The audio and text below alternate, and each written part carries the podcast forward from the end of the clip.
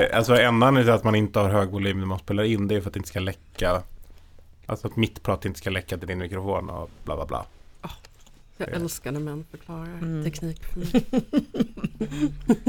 Alltså, det var inget hån, det var inget hån! läckta, Jag läckta bara ljud och säger. tydligt. liksom Lär mig man- saker, kalla mig duktig. That's all I want. Du är jättebra på det du gör. Och podden tar också ställning för mansplaining. Karina Kubisha, oberoende manstillvänd.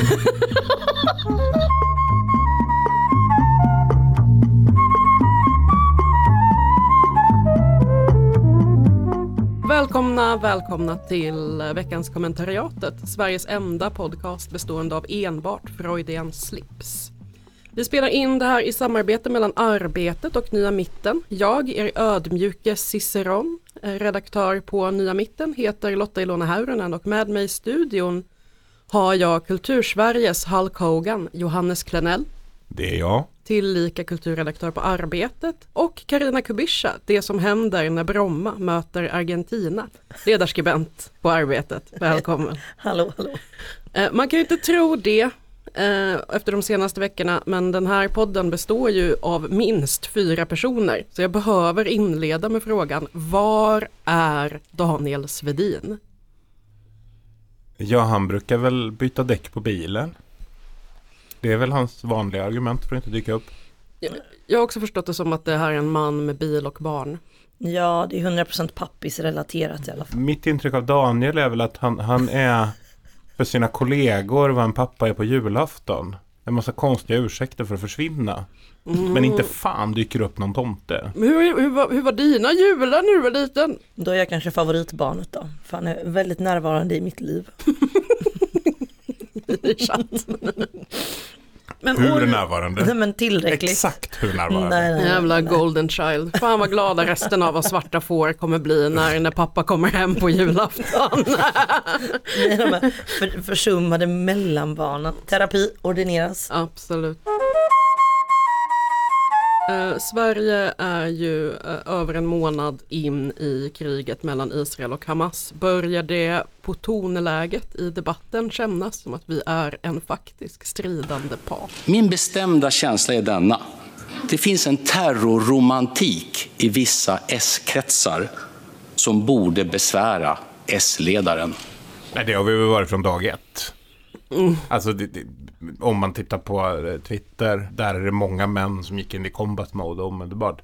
Jag, jag tycker också att man, en sak som jag har märkt med lite påtaglig är att, att det har kommit en efterkonsekvens utav eh, alltså, kriget i Ukraina här. Det var ju att i hela förra året så ägnar vi oss åt att skälla ut fredsrörelsen. Så mycket så att nu när vi kanske är i större behov av liksom fredsrörelsens erfarenheter än någonsin så är den lite försvunnen. Har ni också upplevt det? 100%. Ja. Och det gör ju det väldigt lätt eh, från politiskt håll att också räcka ner på till exempel eh, civilsamhälle i områden som är krigsdrabbade. Mm. Nu drar man ju in biståndet som inte är då det humanitära biståndet. Helt utan egentligen liksom tjafs, eller liksom, man ska inte säga utan tjafs för det är ju att underminera de som fortfarande gör motstånd. Men det är ju fortfarande ett väldigt mycket svagare motstånd. Och ett uttröttat motstånd. Det finns ju ingen konsekvensanalys i det där. Jag tänker att så här, alltså någon typ av, eh, vad ska man säga, liksom humanistisk tradition som Sverige har befunnit sig i fram tills nu, ish, eh, beroende på hur långt man räknar upp nuet, är ju just att det finns diplomatiska verktyg, det finns fredsprocesser och allt sånt har liksom Sverige någonstans velat involvera sig i. Men nu är det kastat ut genom fönstret. Så då kommer det liksom saker som att nej men allt stöd till Palestina är av ondo utan att någon, alltså det är liksom ren populism, det är inte så att men vart går biståndet? Det finns, Sverige har alltid haft jättemycket demokratisk samverkan och liksom agerat med civilsamhället som inte har varit liksom representanter för stat, staterna i liksom Det är så icke-demokratiska. jävla sjukt att så ungdomsorganisationer i typ Ramallah inte ska få ses och få sina lokaler betalda längre. De kastas in i någon form av konflikt de absolut inte har någonting med att göra. Och det som är irriterande, det är att det här har ju högern försökt göra länge. Det är liksom ingen ny tanke, det här är bara ren och skär vanlig jävla högerpopulistisk opportunism. Och det gör mig skitförbannad. Folk får fan inte ens göra sitt jobb bara för att ni skiter i världen. Låt bara folk göra det de är bra på. De är bra på att fånga upp barn så att de inte blir extremister. Så att de inte blir eh, terrorister eller eh, xenofober eller vad man nu liksom kan tänkas bli om man är eh, uppvuxen i ett område där man inte har tillgång till eh, fri rörlighet eller mat eller vatten eller vad fan det nu kan vara. Liksom. Ja, verkligen. Men det blir väl ganska uppenbart att alltså bistånds, eh, biståndsbudgeten är för högern bara ännu en av alla budgetposter som man behöver kapa för att kunna sänka skatten i, i det här landet. Och där blir Ukraina ett jävla svepskäl. Nu flyttar vi massa jävla budgetposter. Efter att ha mm, sänkt dem radikalt. innan. Ja det gjorde faktiskt sossarna också så det Sant, man också sant, komma sant, sant. ihåg. Men hörni, förra veckan uppmärksammades ju Magdalena Andersson för att hon i sitt försvar av socialdemokraten Jamal El-Haj i riksdagen råkade kalla honom för Jamal El-Hamas. Herr talman, Ulf Kristersson, anklagar du Jamal Hamas för att ha, vara en terrorromantiker? Årets Freudian slip vill väl vissa kalla det för, men nu har Ulf Kristersson, egen hög person, på en avbruten AV i Göteborg tydligen råkat inleda en mening med att nästan kalla Israels eh, invasion och bombningar av Gaza för ett folkmord. Sverige och EU står enat i att Israel har rätt till, folk, till försvar. Är det 1-1 nu, eller vad pågår? Ja, det får man väl ändå säga. Det är 1-1. Någonstans så tar de väl ut varann i liksom, Tror, men, tror, du- alltså jag har sett mycket dumheter kopplade till liksom Jamal eh, eh El-Haj och, eh, och så som liksom hans karaktär har fått personifiera någonting i den svenska debatten som är liksom helt groteskt om du frågar mig. Är det verkligen ett, alltså så här, är det slut nu? Är Nej. jakten på honom slut? nej Vad- absolut inte. Nej men för det första så är det så att det vi har varit med om är ju inte upplevelsen av 1-1. Det är ju upplevelsen av 0-0. alltså det, det, det är ju inte som att publiken känner, inte känner mer smak. Om ni fattar vad jag menar. Alltså 1-1 då har du åtminstone upplevt två mål. Här är det ju liksom inte, här finns inte den aspekten överhuvudtaget. Du har inte fått en möjlighet att jubla någon gång. Eller dårar har fått möjlighet att jubla. Men du har dårar jublar möjligen vid 0-0 också. Jag vet inte, jag, jag tycker bara att det, det är, är så fruktansvärt märkligt att leva i ett land där ett vidrigt pågående krig med så många döda förvandlas till en diskussion om Freudian slips. Där man ska äga sin meningsmotståndare mer än någonting annat. På skitsaker också. På rena skitsaker. Som att liksom att, att Magdalena Andersson har råkat kalla Jamal El-Haj för Jamal El-Hamas skulle betyda någonting. Det finns ingen grund för det överhuvudtaget på samma sätt som att jag tror faktiskt inte att så här Låt mig vara opartisk journalist en stund och bara säga att jag tror faktiskt inte att Ulf Kristersson heller förespråkar folkmord. Däremot så har Tidöregeringen, och det, det här måste vi ändå kunna säga, har pushat debatten till en nivå där det bara handlar om de här bisarra ägningarna. Och där Ulf Kristersson inte heller riktigt kan backa från saker för att han kör bara på. Alltså det här ordet som han använder, terror, eh, Romantik. terrorromantik. Jag hade aldrig hört det ordet innan Ulf Kristersson använde det. Och nu använder han det hela tiden. Allting är bara förvandlat till billiga sägningar. Det får ändå ses som ganska unikt då. Av en person som någonstans i, vi är fortfarande i kristider, både ekonomiskt och vi befinner oss mitt i en, en världskris på många olika sätt. Att en person som har hans ämbete inte har för ambition att överhuvudtaget verka enande för en nation utan snarare Ägande. elda på och ägande. Den mest ägande men minst enande statsministern. Nej men det är ju anmärkningsvärt på alla sätt och vis. Det går ju liksom inte att komma ifrån att det är så jävla konstigt bara. Det leder till så himla sjuka grejer att när, när, när statsministern eh, legitimerar, liksom, eh, alltså vi har pratat eh, ibland på redaktionen om så här fundisar.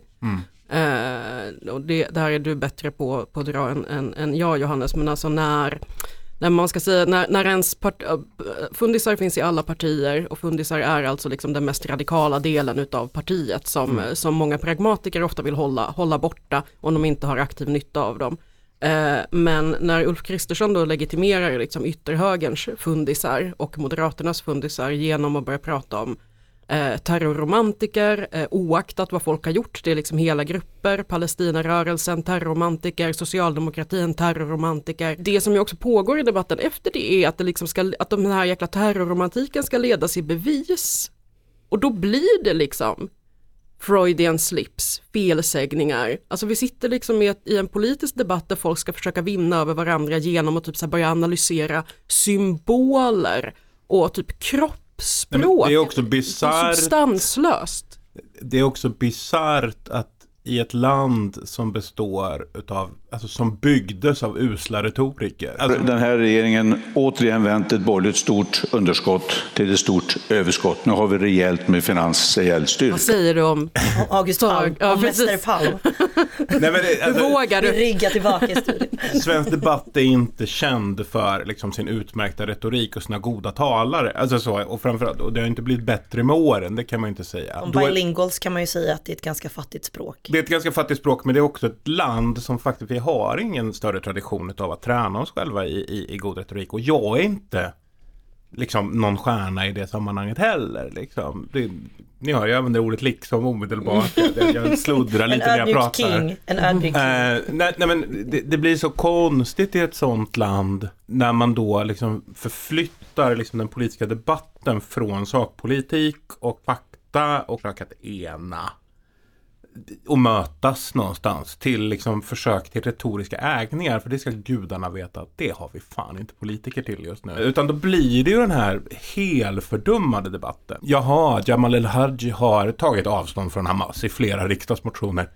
Jaha, men har han verkligen tagit avstånd? Har han fördömt Har han dem fördömt eller dem? bara tagit avstånd? Hur många motioner har han skrivit? Mm. Eh, är det bara tre? Räcker det?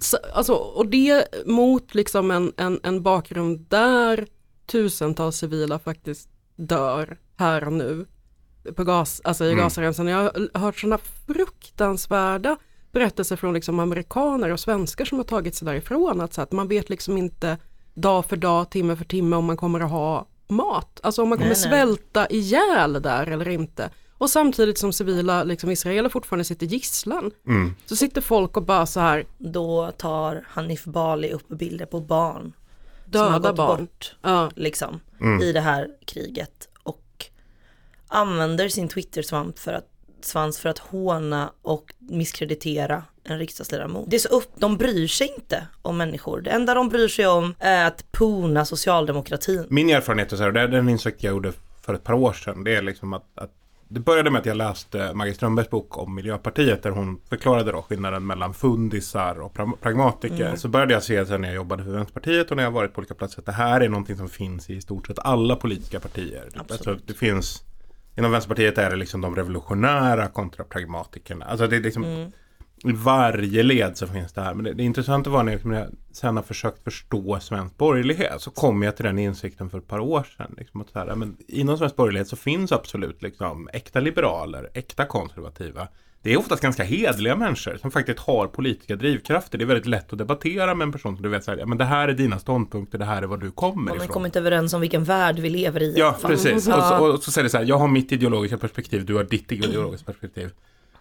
Deras revolutionärer och rebeller och liksom så icke-pragmatiska eller liksom revolutionära gren. De vill bara en sak. De vill se socialdemokratin och fackförbunden brinna. Och det är det enda och de är beredda att offra vad som helst för det här. Det finns ingenting som inte är värt att slopas för att det här ska hända. Och det intressanta med, med tidöverenskommelsen som har gått upp för mig mer och mer är de har låtit revolutionärerna styra. Och det, har, det händer liksom inte riktigt inom vänstern för då går det inte att enas. Alltså det, det, det går inte, men däremot behöver man sina revolutionära falanger för att liksom hålla igång ideo, den ideologiska verksamheten. Och för att hålla tillbaks pragmatikerna. Och du del, kan liksom. absolut inte vinna några val på det. Nej, Det är sjukt att Gunnar Strömmer står och säger att vi kanske ska kunna göra folk statslösa. Mm. Och det är lika sjukt att Joar Forsell då dagen efter går ut och säger att det är inte sant. Nähä? Vem bestämmer? Ännu en gång, Vad- vem är det som kör? Vem är det som kör egentligen? Nej men det är bara så konstigt. Det är så konstigt vad man tycker är ens uppgift och vad det är man har för drivkrafter. Och det kanske är till vänsterns nackdel att man är empatisk. Eller att man bryr sig om folk. Det är väldigt mycket jobbigare att hålla på med politik då. Ju. Speciellt nu. Men eh, det Men- går ju inte en dag utan att vi kommer in här och känner att Nej, men vi det- är det blir- håglösa. Det blir väldigt svårt för en regering som bygger på en sak, vilket är att krossa sina motståndare. Inte på att man vill göra någonting, utan för att man vill krossa någonting annat. Att agera enande i kris. Och det är det problemet vi ser nu med Ulf Kristersson. Absolut. Det är inte omöjligt att Ulf Kristersson skulle vilja göra saker på ett helt annat sätt. Men det går ju inte när du har trissat upp en sån polarisering i Sverige. Alltså, Och när det viktigaste för henne är att vara statsminister ja. någonstans. För att han anklagar ju, han är inte ensam om det, man anklagar ju socialdemokratin för att vara väldigt maktlysten. Eh, lysten. men man kan väl inte säga annat om den här högen än att den också är väldigt, väldigt maktlysten. Ja, de är beredda att bränna precis vad fan som helst. Titta på folk. Liberalerna, de var beredda att bränna hela sitt jävla parti för att göra vändningen från januariöverenskommelsen till tidelaget. De har antagit lite ny politik nu på sitt lilla landsmöte. Så nu ska Hur många var där- hur många var där? alltså någonstans hoppas jag typ att den här tiden på, på sociala medier faktiskt kommer lyftas upp och bli någon typ av exempel på vad, så här, hur desinformation fungerar. Liksom. Jag hoppas att Myndigheten för psykologiskt försvar sitter och följer precis allting som händer för att det här är så söndrande för ett samhälle och från, jag tycker så här, jag var korkad nog att jag eh, också gav mig in i i debatten om så här, eh, Jamal Haj, eh, hans eh, svärdotter, eh, förlorat eh, hela sin familj i Gaza.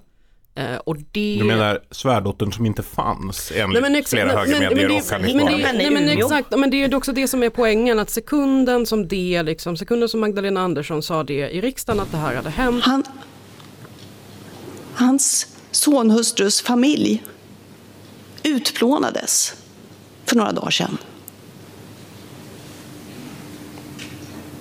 36 personer. Bortsvepta i det här fruktansvärda kriget. Och du menar att han är en terrorromantiker som står bakom Hamas? Det är en fruktansvärd anklagelse, Ulf Kristersson. Du är landets statsminister. Då börjar liksom desinformationstrumman spe, eh, liksom trummas igång. Vissa säger att hon existerar inte överhuvudtaget. Andra säger, inklusive Peter Wennblad på, på, på Svenska Dagbladet, att så här, "Ja, men är det inte intressant att det är så många som har förlorat just 36 stycken personer eh, i Gaza? För tydligen så är det fler som har förlorat stora familjer med samma siffra. Hanif Bali går igång på, på vad, vad döda barn har på sig. Och att ens engageras, alltså allt det är ju öppet för att man av, nat- alltså av också liksom empatiska skäl vill försvara. Alltså jag kan inte föreställa mig hur tufft det måste vara att vara liksom Jamal i den här, jag känner inte honom liksom. Nej, inte Men det verkar vidrigt att Ja. vara liksom, för, för att han var på ett möte där någon annan tycker någonting. Alltså för det är ju det som har hänt. Han har varit på ett möte där någon annan har tyckt någonting. Där någon annan, jag har gillat Hamas liksom. Men Ingenting vi, tyder på. Vi är ju på massa ställen där typ Sverigedemokrater är. Ja, alltså, Alltså, hård, är- hårdrocksspelningarna jag har varit på har, har, har, Det- det i finns livet har definitivt innehållit värre. Och eh, visst, man kan ju säga vad man vill om det där, men att vara emot Hamas och öppet eh, arbeta emot det, det är inte helt okontroversiellt som palestinier internationellt heller nödvändigtvis. Sett till hur många det faktiskt är som är så otroligt uppgivet. Och det är ju sorgligt, men det är så här, misär och uppgivenhet är lika med eh, extremism och terrorism. Alltså så här, det är ingen supersvår ekvation att fatta, men han har ju ändå tagit ställning. Jag bara tycker att det är så jävla tröttsamt att han bara fortsätter utsättas för det här skiten. Ja, nej, jag kan inte tänka exakt. mig hur det är. Folk har dött i hans närhet, folk dör. Alltså, hans hemland är liksom i spillror och så Mm. ska han stå med en jävla TV4-mikrofon under näsan och bara Hamas, jag ska in i en rättegång nu. Vi undrar om vi får göra en intervju med dig. Ja, nej, jag ställer inte upp på intervjuer, tack. Varför då? Jag har inga kommentarer. Den här frågan handlar ju mycket om vad du tycker om Hamas. Kan du tänka dig svara på det? Nej. Vad beror det på här på? För att många undrar ju... Det här skulle ju kunna bli en mindre kontrovers om du kanske svarade på den frågan. Nej, jag vill inte kommentera det. Finns det någon gång i framtiden du kan tänka dig att prata om det? Ja, absolut. Efter domstolen. Varför vill du vänta på domstolen? Ja, jag vill inte kommentera det. För att det är en politiker i Sveriges riksdag som snackar skit om mig på en nivå att det är ett rättsfall. Men det är det här du vill ha svar på. Nej, men det, Men alltså, för, för, alltså jag, helt, jag, jag tänkte bara så här för att, för att, för att avsluta desinformationsspåret att så här, för det, är, ju- det är ju det här som händer liksom, särskilt när så här, när det sipprar in i traditionell media sam, samma logik. Problemet är att så här, sekunden du börjar engagera dig i det där själv, liksom eh, när man går i, när, om man ens går i svarsmål mot det där, så sprider man liksom bara misstron vidare. För det är ju det som är poängen. Poängen i den där retoriken är ju inte att ha rätt. Peter Wemblads poäng är inte att ha rätt om att, så att det, det, det faktiskt är, skulle vara suspekt att det är så många familjer på 36 personer som har dött. Hanif Balis poäng är inte heller att, eh, att, eh, att det eventuellt skulle kunna funnits ett, ett fucking barn som har gjort någonting. Utan poängen är ju så, så en bredare misstro. Eller det är åtminstone den effekten det får. Nej, men det- och det går inte att värja sig mot med några som helst rationella medel. Det går liksom inte att med rationella verktyg ge sig in i det. Nej. Nej men det, och och det det är det här som är problematiken någonstans för att det är så här det, det stannar ju inte här. Alltså vi, vi har nått en punkt där ett flertal svenska högerdebattörer nu har drivit tråpen att nazisterna hade i alla fall vett att skämmas. Det är så jävla Och, och, det, var, det, var, och det, var, skamlöst. det var som någon sa på Novara Media som, som kommenterade det här bara så här. Nej, alltså de skämdes ju inte. Anledningen till att de gömde sina koncentrationsläger efter krigen var ju för att de riskerade att dömas för ett krigsbrott. De skulle ha avrättats, alltså så de var livrädda för den biten. När det kommer till de här som söp sig fulla så är det så här, det finns flera vittnesmål från svenska SS-soldater som var vid östfronten, att de skröt när de kom tillbaka till Sverige. Och I dessa personakter hittade jag de första uppgifterna om de, att de faktiskt hade haft en roll i Förintelsen.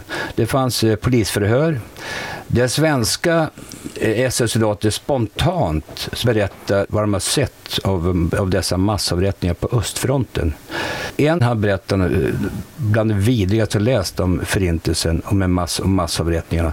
Och så hittade jag också den här, en, en soldat från Norrland som då skryter han hemma på permission att, att han skjuter judar så han knappt kan betjäna sitt pekfinger, avtryckarfinger. Det var runt 270 svenskar som stred i Waffen-SS under andra Det världskriget. finns ju också en del uppgifter om att Hamas-terrorister och gängkriminella i Sverige faktiskt går på ganska tunga droger också. Det är jättekonstigt. Liksom. Ja, nej, nej, alltså det, det är ett märkligt förringande av förintelsen och det, och det obehagliga med det här är att jag tror ingen av de här högerdebattörerna kommer behöva be om ursäkt för det här. Jag tror att de skiter i vilket, för det är en del av disinformationens beteende. Det är att du bara sprider saker, du har inte ens tänkt igenom vad det är du säger. För att ens mål är något annat. Ja. Målet de här människorna har är ju inte att det ska sluta mördas. Nej, målet är ju att vi ska hata muslimer. ja. Punkt. Och socialdemokrater. Ja.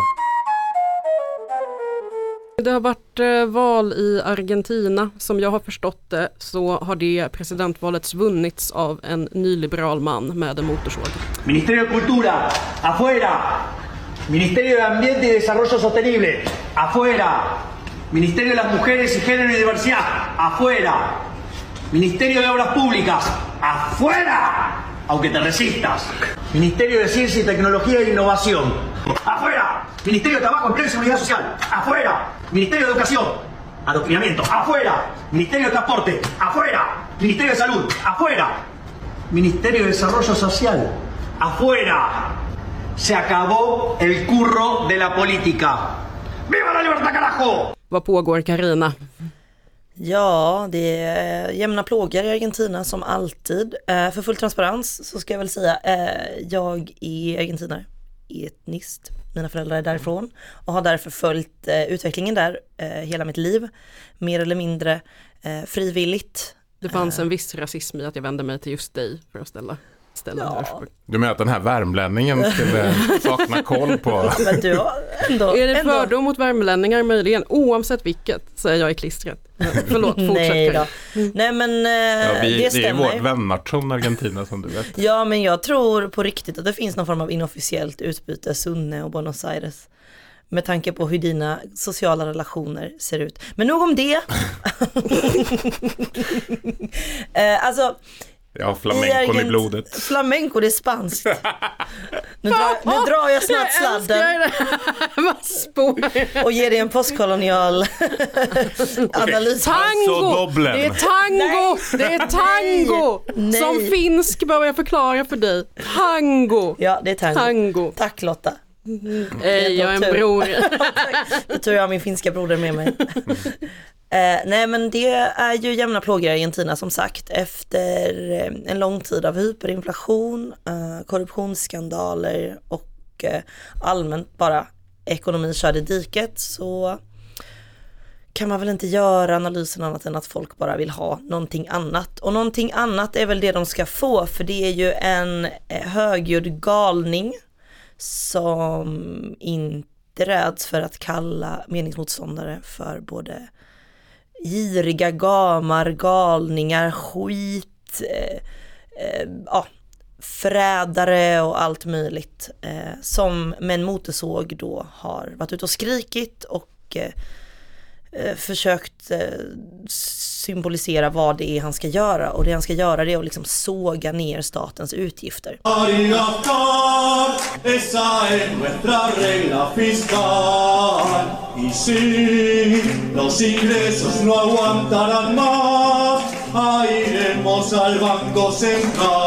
Det är den här motorsågen då symboliserar. Det finns ett sånt klipp där han står med en tavla med alla olika departement. Och Exakt. så bara rycker han bort departement efter departement efter Ja, departement. det är som svensk höger och myndigheterna. Eller jag har förstått det som att Exakt. svensk höger har varit ganska glada. Och Ja, de ska slås ihop här. Aha, Han bara rycker dem rakt av, ner i marken. Han är, han är lite mer direkt med vad han ska göra, det får han ändå ha cred för. En ihopslagning, en effektivisering, ja det är väl det han säger. Syskonparti till Chang Frick. Men 100 procent. Jean Frick är nog glad över detta. Nej men han ska också bränna ner finansdepartementet. Han ska Jaha. liksom göra det han kan göra. Det som kan eh, privatiseras och läggas ut på marknaden ska privatiseras. Men han nöjer sig inte där, han ska också kriminalisera abort. Han ska legalisera handel med organ så att de fattiga ändå har en chans att försörja sig. Eventuellt också handel med barn. Han är så pass eh, frihetligt lagd. Men det är just den här friheten som han hela tiden kommer tillbaka till. Han är som en luffare. Alltså Ja. så här, Liberala ungdomsförbundet när de så här vill få igenom Eller jag, jag vet inte, har ni läst nationalekonomi? Nej. Jag eh, påbörjade en sådan kurs, jag läste faktiskt bara klart just mikroekonomin eh, i Lund. Eh, sen kom jag till Stockholm för att jobba. Men eh, där är det ju många sådana anarkokapitalistgrabbar som tycker typ så, va?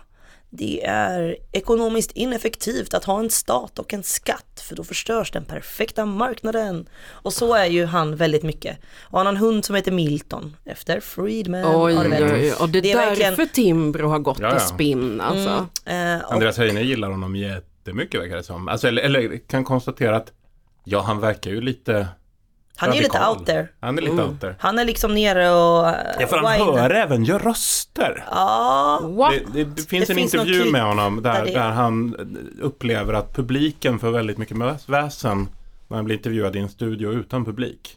Nu börjar det här ändå kännas som min kandidat med kontakt, kontakt Ja, med de högre, ockulta. Eller bara Ja. ännu en tradig Biden, ingen vet. Men eh, det är och för sig helt okej att styra ett land, eh, även ifall man är lite eh, Men det här har liksom Du måste vara Sveriges minsta funkofob om Ja. du tycker att det är helt okej att styra ett land man hör röster. 100% jag har bytt sida nu.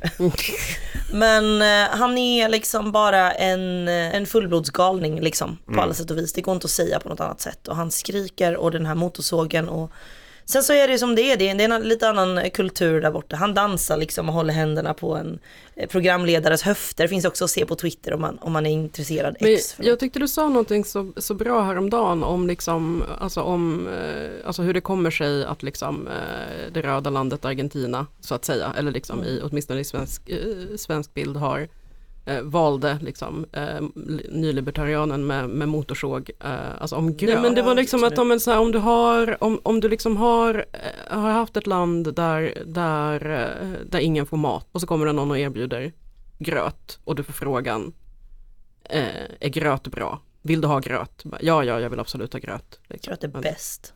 Gröt är bäst. Men så är det väl ändå. Får man kika på liksom den timelinen som är, jag kan utgå från min familj då. Eh, min morsa kom till Sverige 1977 efter att hennes morsa suttit fängslad i tre år. Sen fortsatte den här militärdiktaturen eh, till typ 86 någonstans. Där var det krig med Thatcher och bla bla bla. Efter det kom en också ett nyliberalt experiment som leddes av en president som hette Menem. Han sålde ut alla naturtillgångar och eh, slängde ut den egna valutan in med dollarn och sen så bara följde kris på kris på kris på kris ekonomiskt. Och värst var det 2001, det minns ju säkert ni också. Och där blev det ju också en extrem brain drain och jättemånga argentinare kom till Europa och kvar blev också folk i så, total misär. Och sen efter det har det liksom aldrig hämtat sig. Eh, och har man inte eh, kontroll över sina naturtillgångar och inte heller har politiker som går att lita på, för tyvärr är det så att korruptionen också är rätt utbredd även bland de partier som man vill och hoppas på, som lite vänsterorienterad. Så kommer folk söka sig till något annat, men eh, jag vill ändå för den som är intresserad tipsa om en text som Johannes publicerade idag eh, på Aftonbladet. Aftonbladet, sa jag det? På arbetet. På Arbetets kultur. Mm. Ja, Av Amerika Venezuela. exakt. Det är Mm. en väldigt bra text som också ger bakgrund av en person som har väldigt goda insikter i vad det är som har pågått där över tid. Det är en sorg, det kommer vara underhållande på Twitter. Men han har väldigt bra hår. Ja, det har han faktiskt. Mm. Jag tycker, Vi har det. Jag, jag tänker, åh, Mitt folk. Mitt True, barn ser ut som han, förlåt. Jag vill avsluta med, med ordet kakistokrati för att sammanfatta både Sverige och, eh, och Argentina då. Det är styrelseskicket när de absolut dummast tänkbara personerna har tagit över landet. Du menar dårpipifiering? Nej, Då, absolut, absolut. Och med de orden tackar vi för oss för den här veckan. Den här podden görs i samarbete mellan Arbetet och Nya Mitten. Eh, gingen har gjorts av Johannes brorsor. Eh, tusen tack, vi hörs om två veckor igen. Hej.